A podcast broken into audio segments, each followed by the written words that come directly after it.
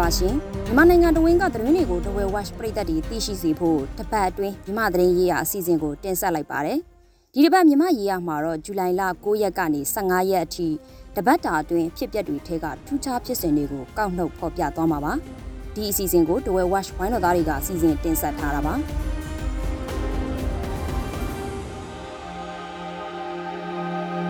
နှစ်ရှည်အကျဉ်းချခံထားရတဲ့နိုင်ငံတော်အတိုင်ပင်ခံပုဂ္ဂိုလ်ဒေါအောင်ဆန်းစုကြည်ကို ထိုင်းနိုင်ငံခြားရေးဝန်ကြီးဒေါန်ပရာမို့ဝီနိုင်တွားရောက်တွေ့ဆုံမှုအပေါ်ဝေဖန်မေးခွန်းထုတ်တာတွေရှိနေပါတယ်။ထိုင်းနိုင်ငံဒုတိယဝန်ကြီးချုပ်လည်းဖြစ်တဲ့မစ္စတာဒွန်ဟာအာဆီယံနိုင်ငံခြားရေးဝန်ကြီးများအစည်းအဝေးကျင်းပဖို့နှစ်ရက်အလိုဇူလိုင်လ9ရက်နေ့မှာနေပြည်တော်သို့တိတ်တဆိတ်လာရောက်ပြီးလှုပ်ဝက်တွေ့ဆုံခဲ့တာပါ။ဒီတွေ့ဆုံမှုကိုအာဆီယံနိုင်ငံခြားရေးဝန်ကြီးများအစည်းအဝေးမှာထုတ်ဖော်ပြောဆိုခဲ့ပြီးဒေါအောင်ဆန်းစုကြည်ကတွေ့ဆုံဆွေးနွေးရေးကိုထောက်ခံကြောင်းပြောတယ်လို့လည်းပြောဆိုခဲ့ပါတယ်။ မြန်မာစစ်ကောင်စီဘက်ကလည်းဒီတွေ့ဆုံမှုဟာတနာရီခွဲနီးပါးကြာမြင့်ခဲ့ပြီးနှစ်ဦးချင်းလွတ်လွတ်လပ်လပ်တွေ့ဆုံခဲ့တာလို့ပြောဆိုထားပါတယ်။အမျိုးသားဒီမိုကရေစီအဖွဲ့ချုပ် NLD ပါတီကတော့ဒေါအောင်ဆန်းစုကြည်ရဲ့သဘောထားဆိုပြီးထိုင်းနိုင်ငံသားရေးဝန်ကြီးပြောဆိုချက်ကိုတန်တရားဖြစ်တယ်လို့ထုတ်ပြန်ထားပါတယ်။ဒေါအောင်ဆန်းစုကြည်အရင်ကပြောဆိုထားတဲ့သဘောထားတွေနဲ့ကွဲလွဲနေတယ်လို့ကာယကရှင်ကိုယ်တိုင်ပြောဆိုတာမဟုတ်တဲ့အပြင်လွတ်လပ်စွာပူးတွဲပြောကြားနိုင်တဲ့အခြေအနေမဟုတ်တာကြောင့်လို့ဆိုပါတယ်။ အမျိုးသားညီညွတ်ရေးအစိုးရကလည်းထိုင်းနိုင်ငံခြားရေးဝန်ကြီးရဲ့ပြောဆိုချက်ကယုံကြည်လက်ခံနိုင်ဖွယ်ရာမရှိတဲ့တရားဝင်မှုမရှိတဲ့ပြောဆိုမှုတာဖြစ်တယ်လို့တုံ့ပြန်ထားပါတယ်။ NUG အနေနဲ့အာဏာရှင်စနစ်ကိုအပီးတိုင်ဖယ်ရှားပြီး Federal Democracy စနစ်နဲ့အစားထိုးပြောင်းလဲနိုင်ဖို့အဆုံးတိုင်ကြိုးပမ်းသွားမယ်လို့ဆိုပါတယ်။ဒေါအောင်ဆန်းစုကြည်ကိုနိုင်ငံတကာတန်တမန်တွေတွေ့ဆုံခွင့်ရဖို့အကြိမ်ကြိမ်ကြိုးပမ်းခဲ့ကြပေမဲ့စစ်ကောင်စီကခွင့်မပြုခဲ့ပါဘူး။ဒါကြောင့်ထိုင်းနိုင်ငံသားရေးဝန်ကြီးရဲ့တွေ့ဆုံမှုဟာ အာနာသိန်းကာလမှာနိုင်ငံတကာတန်တမန်တဦးအနေနဲ့ပထမဆုံးကြိမ်တွေ့ဆုံခွင့်ရတာပါ။ဒီလိုတွေ့ဆုံခွင့်ပေးတာဟာစစ်ကောင်စီကနိုင်ငံရေးအမျက်ထုတ်လို့တဲ့အတွက်ခွင့်ပြုခဲ့တာဖြစ်ပြီးအကြက်တဲကြုံနေခြင်းနိုင်ငံရေးထွက်ပေါက်အဖြစ်အသုံးချတာလို့ဝေဖန်မှုတွေရှိနေပါတယ်။နိုင်ငံတကာဖိအားတွေကိုရှော့ချဖို့နိုင်ငံတကာအမြင်ပြောင်းလဲလာစေဖို့ပြည်တွင်းတော်လှန်ရေးအင်အားစုတွေကြားသွေးကွဲအောင်လှုံ့ဆော်တာလို့လည်းဝေဖန်မှုတွေရှိနေပါတယ်။ ဖူးငုံစာမြမတရားစီရင်ရေးစနစ်ဟာအာဏာသိမ်းပြီးနောက်မှာဖျက်ဆီးခံလိုက်ရတယ်လို့နိုင်ငံတကာလူ့အခွင့်အရေးအဖွဲ့တစ်ခုဖြစ်တဲ့လွတ်လပ်သောထုတ်ဖော်ပြောဆိုခြင်းမြန်မာ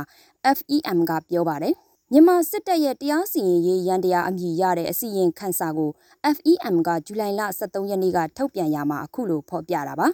စစ်တပ်ရဲ့တရားစီရင်ရေးစနစ်အတွင်းမှာပါဝင်သူတွေကိုမေးမြန်းပြီးဒီအစီရင်ခံစာကိုရေးထားတာလို့ဆိုပါတယ်တရားဥပဒေစိုးမိုးရေး တရားစီရင်ရေးလွတ်လပ်မှီခိုကင်းမှုနဲ့တိုးတက်လာတဲ့တရားရေးခုခံခြေပချက်တွေဖယ်ရှားခံခဲ့ရပြီးအာဏာရှင်တရားစီရင်ရေးနဲ့အစားထိုးခံလိုက်ရတယ်လို့ဆိုပါတယ်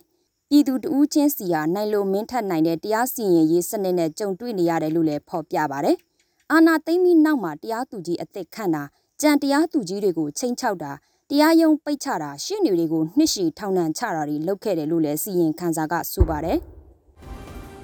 မြန်မာနိုင်ငံမှာလေကြောင်းတိုက်ခိုက်တာလက်နက်ကြီးနဲ့ပစ်ခတ်တာအရက်ဖက်အဆောက်အုံတွေကိုဖျက်ဆီးတာအပါအဝင်အကြမ်းဖက်မှုတွေကိုရှုတ်ချပြီးချက်ချင်းရပ်တန့်ပေးဖို့အာဆီယံကတောင်းဆိုလိုက်ပါတယ်။အင်ဒိုနီးရှားနိုင်ငံဂျာကာတာမြို့မှာဇူလိုင်လ17နဲ့12ရက်နေ့တွေမှာကျင်းပတဲ့56ကြိမ်မြောက်အာဆီယံနိုင်ငံသားရေးဝန်ကြီးများအစည်းအဝေးပြီးမှအခုလိုတောင်းဆိုလိုက်တာပါ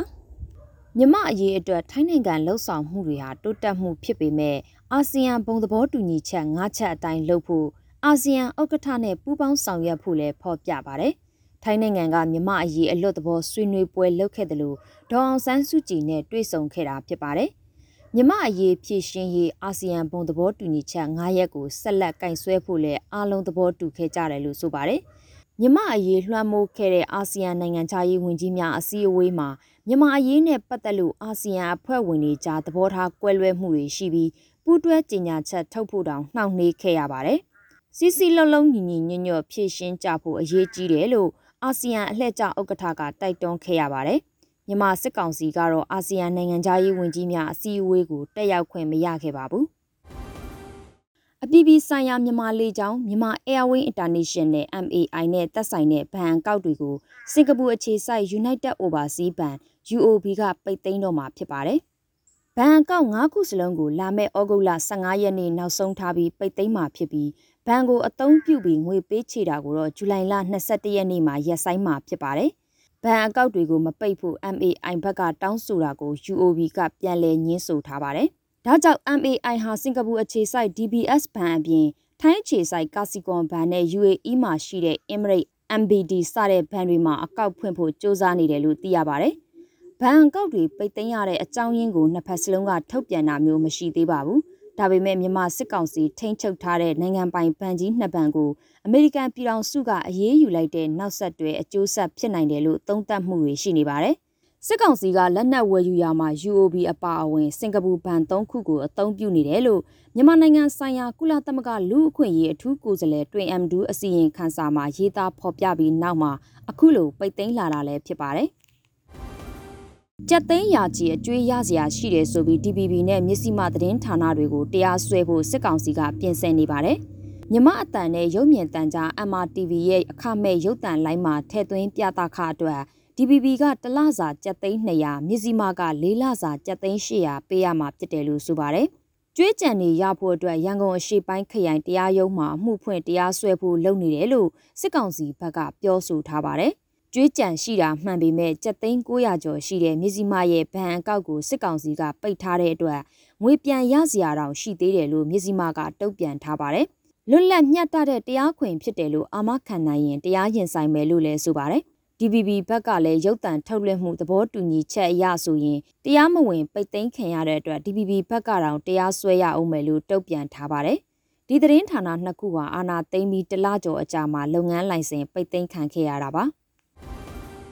ကလေးတွေပြင်းထန်အဆုတ်ရောင်ယောဂဖြစ်ပွားတာအလွန်များပြားနေလို့ရန်ကုန်ကပုတ်ကလိကမူဂျိုကျောင်းတချို့ပိတ်ထားရပါတယ်။အသက်ရှူလမ်းကြောင်းကနေဗိုင်းရပ်ကူးစက်ပြီး10နှစ်အောက်ကလေးတွေမှာကူးစက်နှုန်းမြင့်နေတာပါ။အဆုတ်လေပြွန်ရောင်ပြီးချောင်းတွေဆိုတလိပ်တွေထွက်တဲ့အပြင်အသက်ရှူနှုံမြန်တာကြောင့်ဆေးရုံဆေးခန်းတက်ပြီးအောက်ဆီဂျင်ပေးရတာတွေရှိနေတာပါအသက်ရှူလမ်းကြောင်းကနေကူးစက်တက်တာကြောင့်ကိုဗစ်ကာကွယ်နည်းတွေအတိုင်းကာကွယ်နိုင်တယ်လို့လည်းဆရာဝန်တွေကဆိုပါတယ် သွေးလွန်တကွေရာသီတကွေစတာတွေကြောင့်လည်းဖျားနာတာတွေမြင့်တက်နေပါတယ်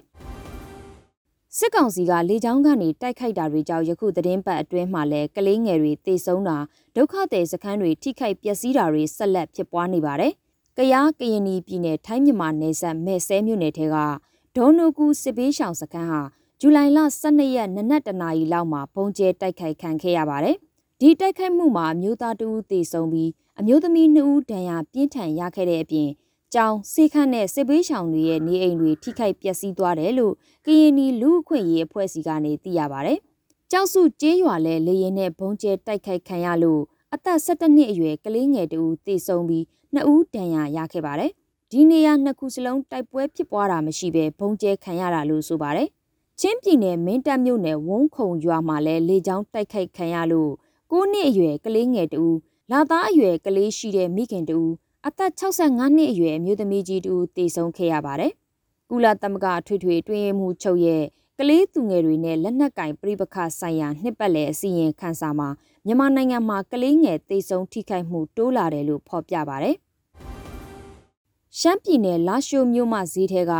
ဇွဲထက်ရွှေဆိုင်ရှိမှရပ်ထားတဲ့ဆိုင်ကယ်ကနေဘုံပေါက်ကွဲလို့လူ12ဦးဒဏ်ရာရခဲ့ပါတယ်။ ဇူလိုင်လ15ရက်နေ့နက်ပိုင်းမှာဘုံပေါက်ကွဲတာဖြစ်ပြီးဒဏ်ရာရသူတွေထဲက12ဦးကရွှေဆိုင်ဝန်ထမ်းတွေဖြစ်ပါတယ်။ကြံတဦးကတော့ဈေးဝယ်သူအမျိုးသမီးဖြစ်တယ်လို့ပြည်တွင်းသတင်းတချို့မှာဖော်ပြပါတယ်။ဒီပောက်ကွဲမှုဟာဘယ်သူတွေရဲ့လက်ချက်ဖြစ်တယ်ဆိုတာကိုမသိရသေးပါဘူး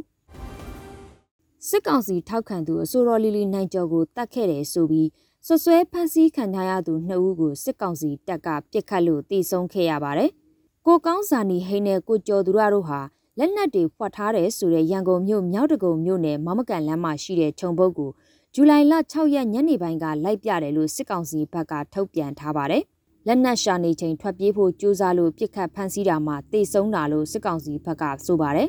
။ကိုကောင်းစာနီဟိန်းကိုစစ်ကောင်စီကဖမ်းဆီးသွားတယ်လို့သတင်းထုတ်ပြန်တဲ့နေ့ဖြစ်တဲ့ဂျွန်လ6ရက်နေ့မှာကိုကောင်းစာနီဟိန်းရဲ့မိခင်နဲ့အမဝန်ခွဲတော်ဆက်သူတို့နေအိမ်မှာလှုပ်ကြံတပ်ဖြတ်ခံခဲ့ရပါသေးတယ်။